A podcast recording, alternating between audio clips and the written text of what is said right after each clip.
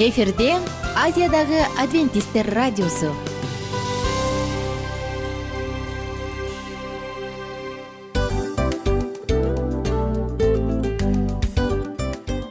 Достор салют. Баардык сүйүктүү угармандарыбызга салам айтабыз. Кутман күнүңүздөр менен. Ден соолук өмүрдүн булагы демекчи саламат саамы программасында баарыңыздарды көргөнүбүзгө абдан кубанычтабыз. Анда алгач амандашып өтөлү арбаңыздар деп. Ден соолугуңуздар кандай элибизде көбүнчө ден соолук кандай дегенде эле жакшы деп жооп беребиз э ооруп турсак дагы жакшы дейбиз. Анан мен муну айтып ойлойт элем бул абдан сонун сөз депчи анткени бул жакшы деген үмүт да ооба баары жакшы болот баары сонун. Деп үмүттөнүп атып эле өзүбүздү өзүбүз дарылап коебуз.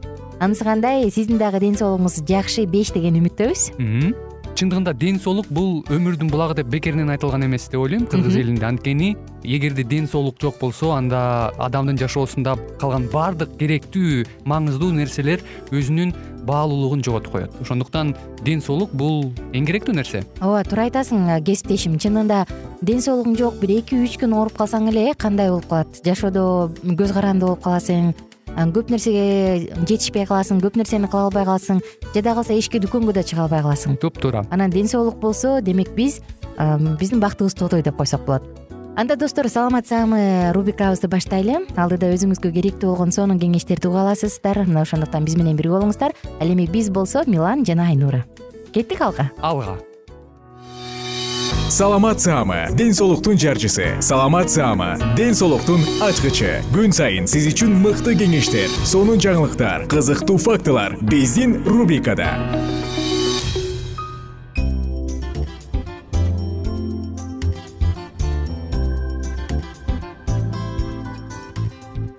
Салют достор. Жалпы угармандарыбызга ысык салам. Саламат саама рубрикасы жана бүгүнкү темабыз. Белдин саламаттыгы үчүн табигый процедуралар дүйнөдө кырк жашкан адамдардын көпчүлүгүндө бел оору белге байланыштуу көйгөйлөр бар. Кошуласызбы мага?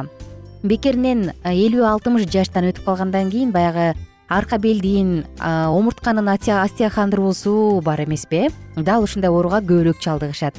Жер жүзүнүн сексен пайызы сөзсүз түрдө бел оорусуна чалдыгат экен. Буга эмне себеп? Буга аз кыймылдуу жашоо. Ашыкча салмак белге көп күч келтирүү жана травмалардын баардыгы тең бел оорусуна алып келет. Албетте достор бел кайсы гана учур болбосун бизге керек жана биздин ишке болгон жөндөмүбүздү бекемдеп тургандыктан анын саламаттыгын сактоо ар бирибиздин колубузда. Келиңиздер бүгүн сиздер менен бирге. Эгерде бел ооруса табигый каражаттар менен табигый процедуралар менен аны кантип калыпка келтирсе болот жана кандай процедураларды колдонсок болот? Мына ушул жөнүндө кененирээк сөз кылалы эң эле биринчи кезекте жылуу нерсе менен таасир этүү. Ооба жылуу нерсе менен бул эң эле жөнөкөй жана эффективдүү каражат. Анткени ал белдин булчуңдарын абдан бошоңдотот андагы болгон нагрузканы күчтүү жок кылат жокко чыгарат жана белдин өзүнүн туура жакшынакай калыпта эс алышына шарт түзөт. Ошондуктан бул нерсени колдонууда сиз өзүңүздүн саламаттыгыңызга кам көрөсүз эмесе кантип жылуу нерсе менен таасир кылабыз? Жылуу нерселер булар электрикалык одеялдар ысык э, суу менен ысык суу куюлган бөтөлкө же грелка. Муну да жакшы билебиз э грелкаларды менин апам көп басып калчу эле. Бул нерселерди басуудан мурун алгач териңизге чүпүрөк коюп анын күйүп калышын сактаңыз. Ошондой эле достор белге компресс жасаса дагы жакшы мындай процедураларды күнүнө он мүнөт жасасаңыз болот. Эгерде сиздин белиңиз ооруп турса же болбосо көп убакыт компьютердин алдында отурсаңыз белиңизди ушундай бир нерсе чукулуп эле жей берсе моюн жагыңызды жей берсе анда ал жака дагы ысык полотенцеден атайын компресс жасаңыз. Бул дагы сиздин өзүңүздүн жеңилирээк сезишиңизге жардам берет. Дал эле ушул ысык полотенце менен процедураларды жасап ар кандай дарылоо ыкмаларын жасай турган болсоңуз моюн жактагы оорулар дагы акырындык менен жоголот дешет. Мына достор ушундай. Ошондой эле эгерде сиздин белиңиз мойнуңуз ооруй турган болсо жуп жумшак матраска жатпаңыз катуураак жерге жатканга аракет кылыңыз жана жаздык дагы сөзсүз өзүңүзгө ыңгайлуу болсун. Колдон келишинче белиңиз ооруса ал жакты дайыма жылуу алып жүргөнгө аракет кылыңыз. Анткени бир аз эле муздак болсо бул сөзсүз түрдө оору кайрадан козголот. Кийинки кезектеги каражат бул суу агымы кадимки эле суу агымы?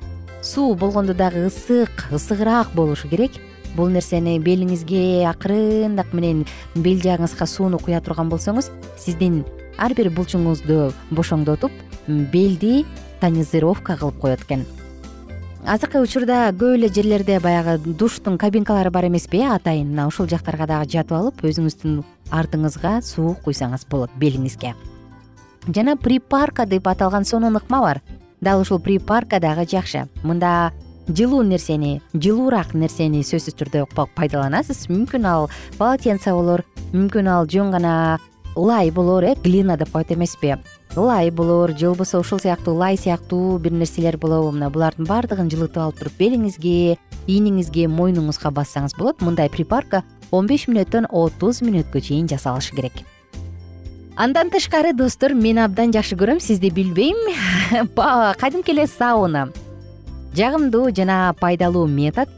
Сауна деген сөздү фин тилинен которгондо баня же болбосо мончо дегенди билдирет эмеспи. Бул саунада биздин денебиз организмибиз жасалма лихорадка абалына келет. Жасалма лихорадка болсо иммундук системди стимулдаштырат. Бул албетте биздин кан каныбызда көптөгөн клеткаларды антителдердин баардыгын алып чыгат. Ал болсо биздин денебиздин жаныбызды жеп жаткан оору менен жакшы күрөшөт. Күнүнө же жок дегенде эки күндө бир күн алысы он бештен отуз мүнөткө чейин саунага барып парга отуруп коюп турсаңыз бул дагы жакшы. Анан спортсмендерди айтсак спортсмендер дагы көптөгөн узак тренировкадан кийин машыгуудан кийин булчуңдарын бошоңдотуш үчүн оор машыгуудан кийин өзгөчө атайын сауналарга баняларга барат эмеспи? Анткени биздин денебизге жумшак жылуулук жана нымдуу аба сөзсүз түрдө белибиздин абалын жакшыртат. Дагы айта турган болсок мурунку уктурууларыбызды бир аз кайталай кетели көбүрөөк кыймылдаңыз дегенбиз эсиңиздеби? Көбүрөөк кыймылдаңыз. Өзгөчө сиз отуруп иштей турган жумушта болсоңуз аз кыймылдуу жумушта болсоңуз салмакты көзөмөлдөп отуруп көбүрөөк кыймылдаңыз. Рак палочкалары менен. Тагыраак айтканда кадимки эле никотин тамеки чылым менен күрөшүңүз. Бул нерсе сиздин ден соолугуңузду талкалайт. Андан таптакыр баш тартыңыз. Арка боюңузду өзүңүздүн боюңузду түз кармаңыз. Отуруп жатканда дагы сиздин тизелериңиз токсон градус бүгүлүсүн түз отуруңуз. Көбүрөөк отура турган иш жумушта болсоңуз же кечки сабакта отурсаңыз бир аз бир аз убакыт калтырып ары бери басып кыймылдап туруңуз. Бул дагы сиздин абалыңызды жакшыртат ноутбук уюлдук телефонду колдонууну минималдаштырыңыз колдон келишинче. Белиңизди машыктырыңыз белиңизди бекемдеңиз. Атайын булчуң корсетин жасаңыз мүмкүн пресс качать этесизби?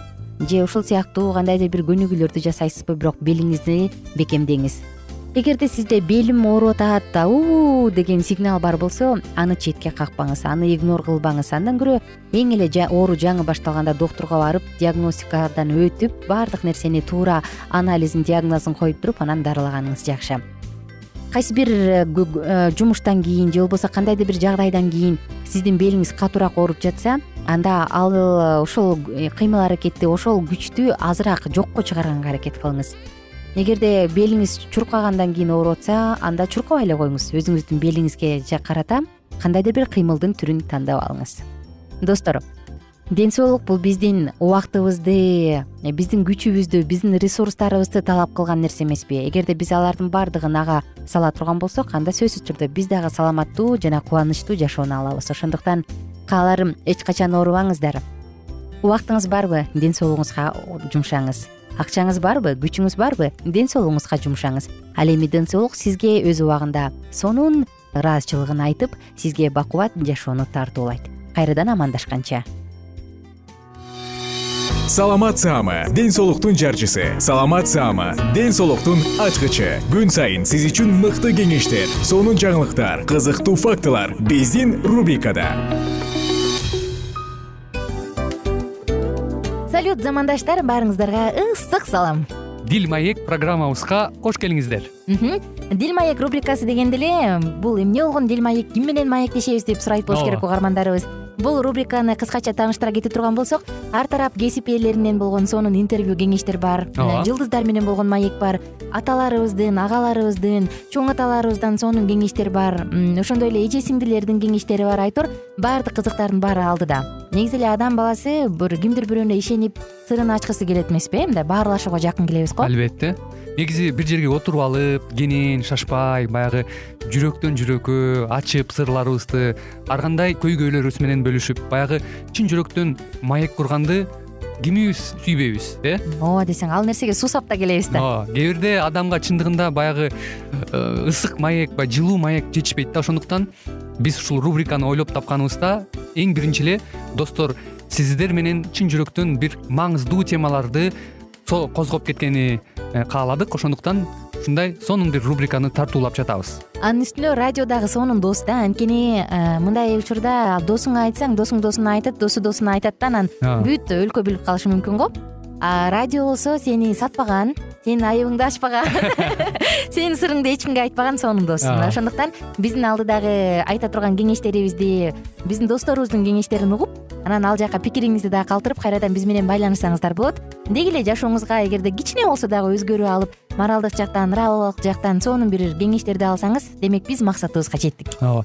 Чыңгыз атабыз улуу жазуучу э, чыңгыз айтматов айткандай адам болуу бул күнүмдүк процесс экен. Күн сайын адам бойдон калуу бул адамзатка эң эле кыйын дейт э? э эң кыйын дейт. Чындыгында бунун негизинде адамдын эң баягы сапаттуулугу адамдын э, адамгерчилиги жана көптөгөн керектүү нерселер мына ошол темалар дагы бизде э, ушул дил маекте биз аларды да козгойбуз. Ден соолук жөнүндө да сүйлөшөбүз. Сөзсүз түрдө. Анан милан мырза негизи айтып коюшат го? Биз көбүнчө эмнени ойлонсок ошол нерсеге карата иш кылабыз го? Ооба. Анан анысы кандай балким бул радио баракчада кимдир бирөөнүн оюн текшергенге жардам берет кимдир бирөөнүн жүрөгүн текшергенге жардам берет. Балким кимдир бирөөгө жашоонун маңызын тапканга жардам берер. Айтор кызыктын баары алдыда бул жөн гана кыскача жарнама анда угармандарыбыздын баардыгын кийинки рубрикабызга чакырабыз. Ал эми кызматта маңдайымда отурган кесиптешим милан жана мен айнура. Анда эмесе биз даярдаган терең терең ойлор менен таанышууга кеттик. Алыс алыс баралык анда эмесе достор биз менен бирге болуңуздар. Алдыда эң кызыктуу маалыматтардын баардыгы бир нече мүнөттөр бою жалгыз гана сизге арналат мына ошондуктан жакшы маанай менен угууну каалайбыз. Үн алышканча. Жөнөдүк. Ар түрдүү ардактуу кесип ээлеринен алтын сөздөр жүрөк ачышкан сыр чачышкан сонун маек дил маек рубрикасында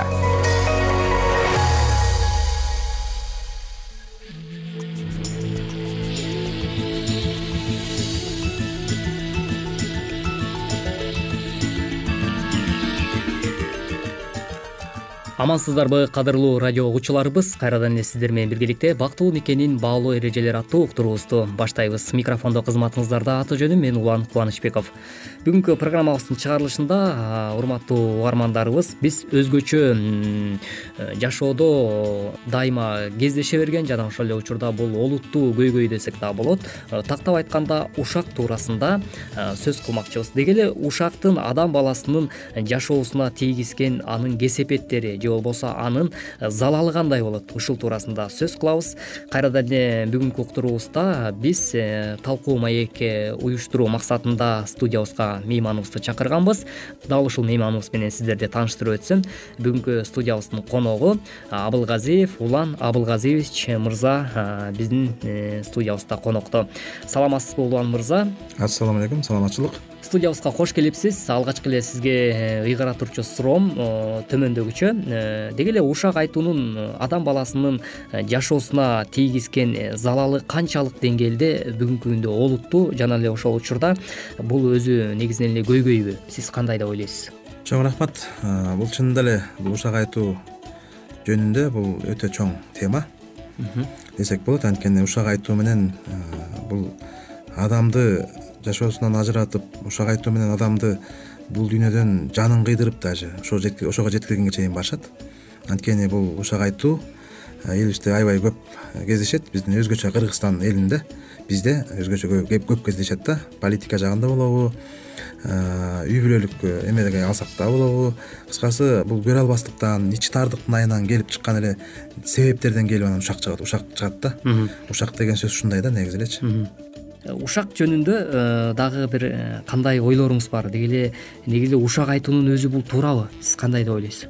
Ушак айтуунун бир кандайдыр бир э, мен ойлойм формасы бир жок болсо керек депчи. Ушак айтуу баягы кыргызда айтылып калат. Бул жалпак тил менен айтканда деп эле тилде сөөк жок деп туруп эле анан билип деле анан билбей деле ушак айта беришет да. Ушак бул каңырыш уккандан келип чыккан нерселерден да болот ушак аябай залалы аябай чоң. Чынында эле бүгүнкү күндө бүгүнкү биздин коомубузга даже аябай чоң көйгөй жаратып келет ушак айтуу. Бир эле адамды сындаган сындоо менен же болбосо бир көрө албастык айтып кетпедимби көрө албастык анан ичи тарлык деген нерсе бизде аябай өнүккөндүктөн бул нерсе ушак айтканга түртөт да адамдычы. Бул көрө албайсың. Бир адамды эле ишинде көрө албайсың. Же ичиң таарыйт э, кандайдыр бир деңгээлде бир ошол адамды жок кылыштын эсебинде жок кылыштын же болбосо ал адамды күнөөлөштүн эсебинде анан ушак айтып башташат. Анткени бул түзмө түз айта албагандыктан через адамдарды колдонуп кандайдыр бир ушак айың келип чыгат да. Анан бул мен ойлойм бул ушак айткан нерсенин бирден бир нерсеси чече турган нерсе бул адам ар бир адамдын ичинде бир чөйчөк сыяктуу да жүрөгүчү анан ошого бир көп нерсенин баары толот. Анан качан ошо чөйчөккө толгондо анан аны төкпөсөң ашып ташыйт да. Анан ошол адамдын ички дүйнөсүнө тиешелүү бул нерсе. Анан муну туура угуп анан ошого кайра ошо проблемасын угуп анан ошого туура жооп берип чыгуу жолун көрсөтпөгөн э, адамдар келип анан ушундай бир ошону туура кылбагандыктан анан ушак айыңга аралашып кетет да негизи элечи. Негизи эле ачуу тамыр ошондон келип чыгат.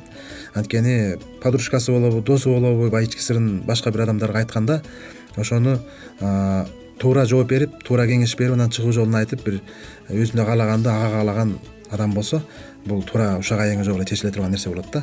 Сүйлөшкөн нерсе сүйлөшкөн нерсе ошо сүйлөшкөн жерде эле калыш керек да негизичи. Маектешкен учурда. А бизде болсо андай эмес да бизде болсо ушак айткан нерсе ушак каяктан келип чыкты деп баягы сөз болуп калат анан бул ушак ошо бирөөнүн айткан ички эмесин башка бир үчүнчү адамга барып айтуу бул өтө бул көйгөй чоң көйгөй. Мына ушак ушундан чыгат да. Анан ошол адамдын жашырган ички сырын айткан ички сырынын баарын сен башка жака монтип чоң кылып ачып айтып ийсең бул өтө ушактын негизги бирден бир формасы ушул болуп калат да негизичи анан ушул ушактын айынан көп туура эмес нерселер чыгат чынындачы. Келишпестиктер чыгат ар кандай нерселер чыгат. Анан бул негизи эле ушак айтуу бул шайтандын бир кандайдыр бир тактикасы кандайдыр бир эмеси деп мен түшүнөм ошон үчүн ушак айтпай эле колдон келсе ар адамдын өзү менен эле сүйлөшүп анан ошо сүйлөшкөн нерсе ар бир нерсе кандай сүйлөшсөң ошол жерде калып эле анан жакшы нерсеге чечейин жакшы ой болсо адамдачы Э, өзүңө каалаганды башкага каалап э, ушундай бир жакшы нерселер болсо бул ушак айыңды токтотуп койгонго болот болуш керек деп ойлойм. Бирок бүгүнкү тема ушундай экен. Залалы кандай? деген тема экен. Бул залалы действительно бүгүнкү күндө аябай чоң көйгөй болот. Бизге аябай ажырашууларды алып келет ушак айтуу ар кандай эми санап отурсак толтура да абдан жакшы чындап эле э, өзүңүз жогоруда айтып өткөндөй эле бул ушак айтуунун залалы адам баласынын жашоосуна өтө бир э, көптөгөн туура эмес таасирлерин бүгүнкү күндө э, тийгизип келе жатканын айтпасак да ачыктан айкын баардыгыбызга белгилүү болуш керек. Чындап эле баягы өзүңүз айтып өткөндөй эле ушакты алдын алууда деги эле аны токтотууда ар бир адам жүрөгүнүн түпкүрүндө өзүнүн ошол жашоосунда туура ушак айтпаш үчүн ушундай бир э, таза бир кадамдарга барыш үчүн сөзсүз түрдө ал өзү менен өзү э, жекеме жеке э, баягы аң сезиминде дейбизби жүрөгүнүн түпкүрүндө бир ушакка жол бербеш үчүн мындай иштеш керек деген бир ойду айтып өттүңүз. Чындап эле бүгүнкү учурда биз бул нерсени эмне үчүн кеп кылып жатабыз? Себеп дегенде акыркы учурда кайда гана карабайлы э, ушактын кесепетинен э, ар кандай э, жогоруда өзүңүз айтып өткөндөй көптөгөн кыйынчылыктар ушактын кесепетинен адам өлтүрүүлөр башкача айтканда үй бүлөлөрдүн талкалануусу дагы болуп жатканы мисалы коомдо көп эле биз кээ бир учурда кездешип калабыз. Андыктан ушундай олуттуу нерселерге туш болуп калбаш үчүн демек ушактан алыс болуп буга чейинки программабыз айтып өткөндөй эле э, биз э, жамандан алыс болуп жакшыга көбүрөөк э, жанашып позитивдүү ойлорго чөмүлө турган болсок анда ардактуу радио каармандар сөзсүз түрдө мындан чыгуу жолу бар экен деген тыянакка келсек болот экен ал эми урматтуу угармандар ушуну менен бизге бөлүнгөн убакыт дагы өз соңуна келип жетип калды. Э, улан мырза сизге чоң ыраазычылык билгизебиз. Өзүңүздүн э, ойлоруңуз менен жеке пикириңиз менен э, биздин угармандар менен кененирээк маек куруп бергениңиз үчүн сизге чоң рахмат. Эмки берүүбүздөн кайрадан эле ардактуу радио каармандар биз сиздер менен дал ушул аба толкундан үн алышканча ар бириңиздердин үй бүлөңүздөрдө дайыма жакшылык өкүм сүрө берсин деген тилек менен программабызды жыйынтыктайбыз. Сак саламатта болуңуздар ар түрдүү ардактуу кесип ээлеринен алтын сөздөр жүрөк ачышкан сыр чачышкан сонун маек дил маек рубрикасында. Жан дүйнөңдү байыткан жүрөгүңдү азыктанткан жашооңо маңыз тартуулаган жан азык рубрикасы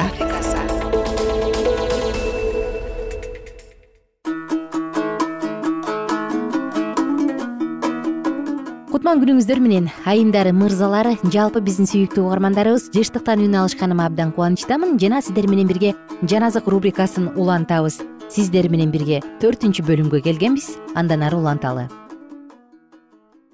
Накыл сөздөр төртүнчү бап. Он биринчи аяттан тарта. Кулак сал уулум. Менин сөздөрүмдү кабыл ал. Ошондо өмүрүң узарат. Мен сага акылмандуулуктун жолун көрсөтүп жатам түз жол менен алып бара жатам. Бара жатканыңда жолуң тарыбайт. Чуркап жөнөсөң мүдүрүлбөйсүң. Акыл насааттарды бекем карма. Аны таштаба сактап жүр. Анткени ал сенин өмүрүң. Мыйзамсыздардын жолуна түшпө. Зулумдардын жолу менен жүрбө. Ал жолду ташта. Ал жол менен баспа. Ал жолго жолобо. Ал жолдон кыя өт анткени алар жамандык кылмайынча укташпайт. Бирөөнү кулатмайынча алардан уйку качат. Анткени алар мыйзамсыздык менен нан таап жешет уурдалган шарап ичишет. Адил адамдардын жолу жаркыраган чырак ал толук жарык киргенге чейин уламдан улам жаркырай берет. Мыйзамсыздардын жолу караңгылык. Алар эмнеге мүдүрүлөрүн билишпейт уулум менин сөздөрүмө кулак сал. Айткандарыма кулагыңды түшө. Алар сенин көз алдыңдан кетпесин. Аларды жүрөгүңдүн түпкүрүндө сакта. Анткени ал аны тапкандар үчүн өмүр. Бүт денеси үчүн саламаттык. Баарынан да сактай тургандан жүрөгүңдү сакта. Анткени өмүрдүн булагы анда калпайтуудан баш тарт анткорлонуп сүйлөөдөн кач. Көзүң түз карасын көз карашың түз болсун. Басар жолуңду ойлонуп бас. Ошондо сенин бүт жолуң бекем болот. Оңго да солго да бурулба. Бутуңду жаман жолдон алыс кыл. Бешинчи бөлүм. Уулум акыл эстүү болушуң үчүн оозуңда билим болушу үчүн менин даанышмандык менен айткан сөздөрүмө кулак сал. Акылмандык менен айткан сөздөрүмө кулак төшө. Анткени башка бирөөнүн аялы тилинен бал тамызып сүйлөйт. Сүйлөгөн сөздөрү зайтун майынан да жумшак. Бирок анын акыры эрминдей ачуу эки миздүү кылычтай курч. Анын буту өлүмгө алып барат таманы өлгөндөр жаткан жайга түшүрөт эгерде сен анын баскан жолун билгиң келсе анын жолдору туруктуу эмес. Ошондуктан сен аларды биле албайсың. Ошондуктан балдарым мени уккула менин оозумдан чыккан сөздөрдөн четтебегиле ал аялдан алыс жүр. Анын үйүнүн эшигине жакын барба. Болбосо ден соолугуңду башкаларга алдырасың өмүрүңдү кыйноочуга бересиң күчүңө башка бирөөлөр тоет эмгегиң башка бирөөнүн үйүнө кетет. Дене мүчөң күч кубаттан ажыраганда онтоп мындай деп айтасың. Эмне үчүн мен акыл насаатты жек көрдүм экен? Эмне үчүн жүрөгүм ашкерелөөнү капарына албады экен? Эмне үчүн устаттарымдын үнүн укпадым экен? Эмне үчүн насаатчыларыма кулак түшөбөдүм экен аз жерден элдин жана коомдун арасында ар кандай жамандыкка дуушар болуп кала жаздадым өз көлмөңдөгү өз кудугуңдагы суудан ич. Булактарың көчөгө агын сууларың аянттарга акпасын. Алар жат кишиге эмес бир гана сага таандык болсун. Булагың баталуу болсун. Жаш кезде алган маралдай сүйкүмдүү жейрендей сулуу аялың менен кубан. Анын төшү сени ар дайым канааттандырсын. Анын махабаты менен дайыма ырахаттан. Уулум башка бирөөнүн аялына кызыгып башка бирөөнүн аялынын төшүн кучактап эмне кыласың?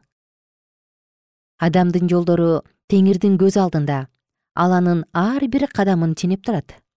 Мыйзамсыз адамды өзүнүн мыйзамсыздыгы тузакка түшүрөт ал өз күнөөсүнүн торунда кармалып турат. Ал акыл насааттын жетишсиздигинен өлөт. Акылсыздыгынын көптүгүнөн жок болот. Алтынчы бөлүм. Уулум. Эгерде жакыныңа кепил болуп башка бирөө үчүн кол берсең анда сен оозуңдан чыккан сөзүң менен өзүңдү чырмап алдың. Өз оозуңдан чыккан сөздөрүң менен кармалдың. Уулум мындай кыл өзүңдү куткар.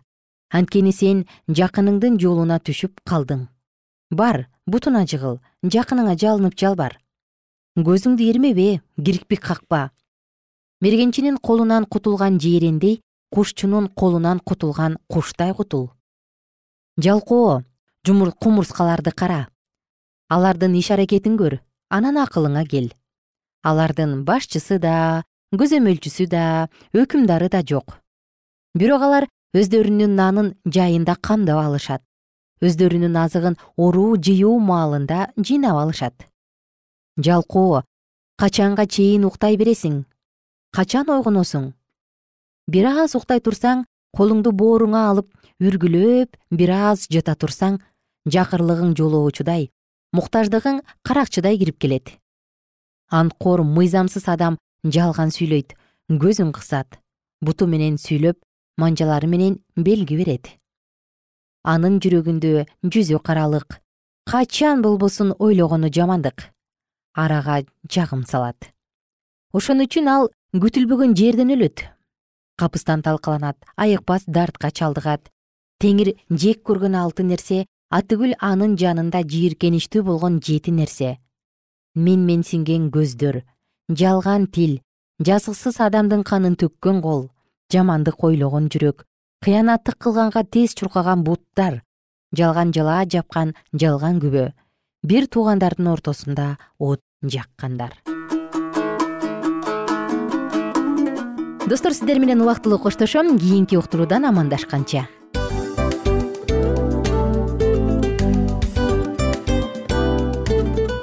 мына ушинтип убакыт дагы тез өтүп кетет экен. Биз дагы радио уктуруубуздун аягына келип жеттик. Келип кубандырдыңар эми кетип кубандыргыла деп тамашалап калышат эмеспи? Анысы кандай?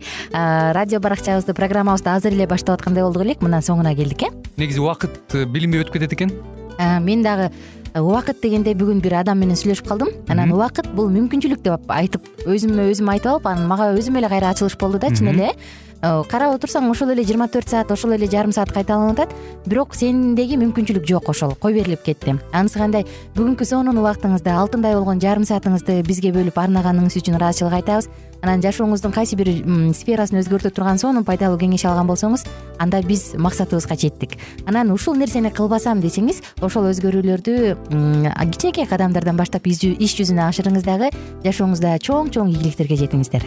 Чын жүрөктөн ар бир берилген кеңештер сөздөр сиздерге пайдасын алып келет деп ишенебиз жана кийинки уктурууларда сөзсүз түрдө чыдамсыздык менен сиздерди күтөбүз сагынычтуу салам айтып кайрадан дал ушул жыштыктан баардыгыңыздарды тосуп алганча кызматта мен айнура жана кесиптешим милан анда кол пул каалайбыз жалпыңыздарга ийгиликтүү күн. Саламатта калыңыздар